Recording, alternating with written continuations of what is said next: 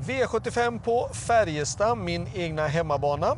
Och eh, vad är det som man kan säga om Färjestadtravet? Ja, eh, kan vara lite, lite nackdel med spår 1. Eh, framförallt på, på 2140 meter. Men det ändå så är det ganska så fair play tycker jag. Eh, banan har varit fin, den sista det är ganska så snabb bana har varit på slutet också. Eh, egentligen ingenting extraordinärt annorlunda, bättre eller sämre än någon annan bana tycker jag. Utan det är ganska så allround tycker jag. Eh, V75 1 ska vi börja med och det är ju då 1600 meter och bilstart. Och eh, en häst som jag har kört på slutet är nummer två Aragorn As. Eh, uh, Aragorn As är för mig ett singelbud. Han har varit grymt bra. Uh, han fick ett otroligt blytungt lopp senast på V75 då på Åby. Uh, jag körde väldigt offensivt och han höll tappert skulle jag vilja säga.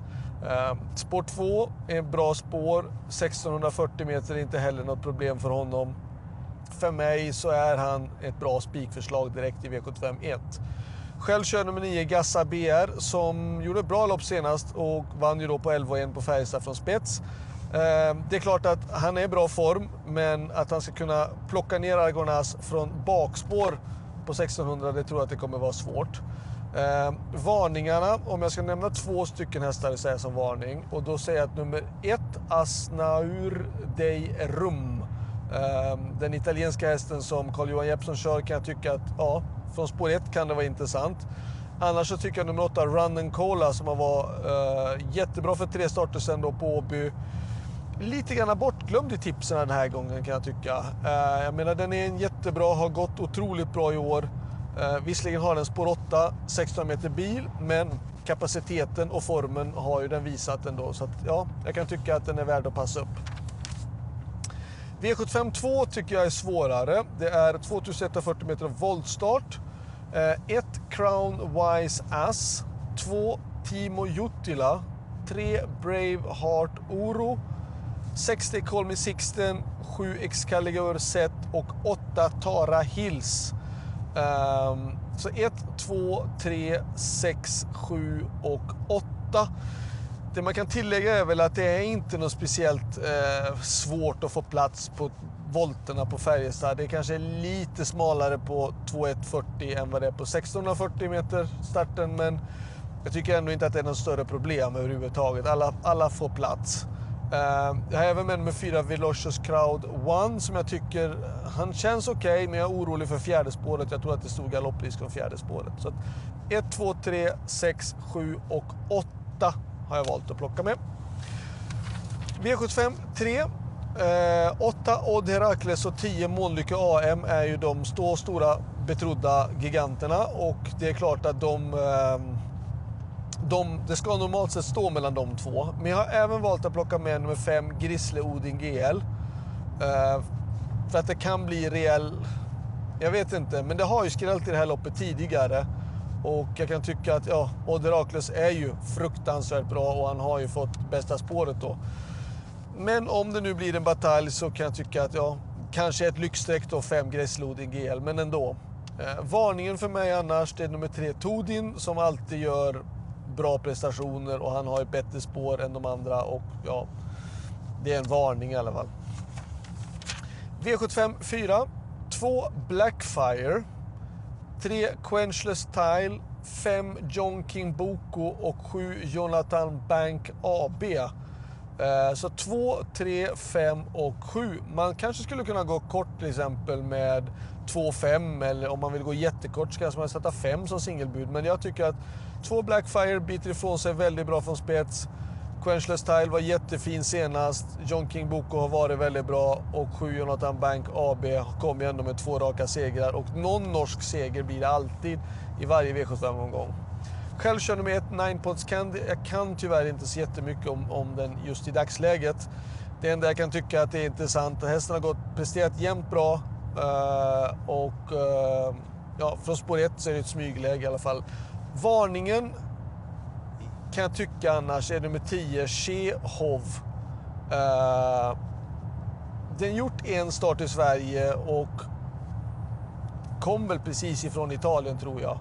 Jag kan tycka ändå att den har vunnit massa segrar. Den gjorde ett ganska bra lopp ändå senast. Den, var, den gav inte upp, den fick ett tufft lopp men den gav inte upp. Jag kan tycka ändå att den kan vara varningen i alla fall. V75 5, spik på nummer 2, Mr Hercules. Det kan jag tycka för att eh, senast så fick han stryk av Sandmotör, Ja, och det var inte så mycket att säga om det. Loppet gick i världsrekordfart, han fick stenhårt press på sig. Eh, det är inte så mycket att säga om det för Mr Hercules. Den här gången möter han inte alls samma motstånd och han har dragit ett bra utgångsläge. Varningen för mig, det kan jag tycka i sådana fall är nummer 4, Gus Miras, som blir bättre och bättre hela tiden. Eh, ser ut att ha lite svårt med travet i svängarna men Färjestads svängar är ganska så bra att ta sig igenom. Um, ja, om nu Mr Hercules har en dålig dag. Uh, själva med nummer 7, Rotate, som är uppåt i formen men det är gulddivisionen, vi har dragit spår 7 bakom bilen som är den näst sämsta så det är klart att det blir svårt. Uh, men han är ändå fortsatt bra i form skulle jag vilja säga, Rotate. Han är verkligen i bra form för dagen. V75 6. 2 High on Pepper, Tre McBurney och fyra Ruger. Med fördel Ruger skulle jag vilja säga. Ruger är en jättekapabel häst. Skulle den hästen sköta sig gå felfritt Eh, nu har han hoppat två gånger på raken, men skulle han sköta sig och gå felfritt så är han, tycker jag, den kapacitetsmässigt kanske bästa hästen i loppet. Men 2, 3 och 4 ska med. Från tillägg så vill jag ha med nummer 7, Chestnut och nummer 9, Hobart i sådana fall. Det är väl de som är mest intressant på 20 tillägg. Från 40 tillägg, ja, då är vi i sådana fall kanske... Ja, det är väl kanske 14 Hulken Sisu i sådana fall då. Men 2, 3, 4, 7 och 9. V75 7. 5 eh, Bandido Gar. Eh, jättebra senast. Vann på ett enkelt sätt. Eh, har dragit det bästa spåret utav de mest betrodda. 8 Falconai har gått fantastiskt bra i år. Framförallt så gick han ju väldigt bra när det var Örebro International. Men men har gått fortsatt bra även i Norge. Eh, nu har han ju dragit ett tråkigt utgångsläge, Falconai, men ja, då, han är så pass bra att han kan vinna. Sen då, kanske ett lyxstreck, men jag tycker ändå den hästen har faktiskt gått ganska bra och det är nummer 10, Billy Idol Jet. Senast så kom han inte in i loppet så det var ett dåligt tempo. Gången innan gick han bra, gången innan det vann han. Eh, min känsla är att fem Bandido Gar och åtta Falconai är två väldigt starka hästar. Och skulle det bli bra tempo på det här loppet, ja, då skulle det kanske kunna vara ett sånt här skrällbud som 10 Billy Idol Jet. Och då får det bli ett streck för mig. Eh, varningen, då säger jag faktiskt eh, nummer ett, Dollar Dock. Eh, perfekt utgångsläge, hästen klarar av distansen, skulle kunna få rygg på fem Bandido Gar, Falconai dödens, ja, då kan vinnarhålet vara absolut den rätta lösningen. Slutsummering, bästa spiken, ja det är ju faktiskt svårt att gå emot femte avdelningen nummer två, Mr Hercules. För att ska man gardera, ja då kommer det bli ett ganska dyrt lopp tror jag. Alternativspiken var ju såklart i avdelning 1 då, eh, nummer två Aragonas. Min bästa chans, jag är faktiskt lite tunt får jag säga den här omgången. Eh, inte alls så jättemycket chanser att gå på och framförallt inga bra utgångslägen. Eh, men det jag kan tycka är då i avdelning 2, nummer 8 Tara Hills. Hon är bra nog för klassen. Eh, hon har ett svårt läge såklart med åttonde spårvolt. Men hon har ändå bra form och bra nog för klassen i alla fall. Så det var allt. Lycka till och så hörs vi igen eh, nästa vecka. Ha det bra. Hej då!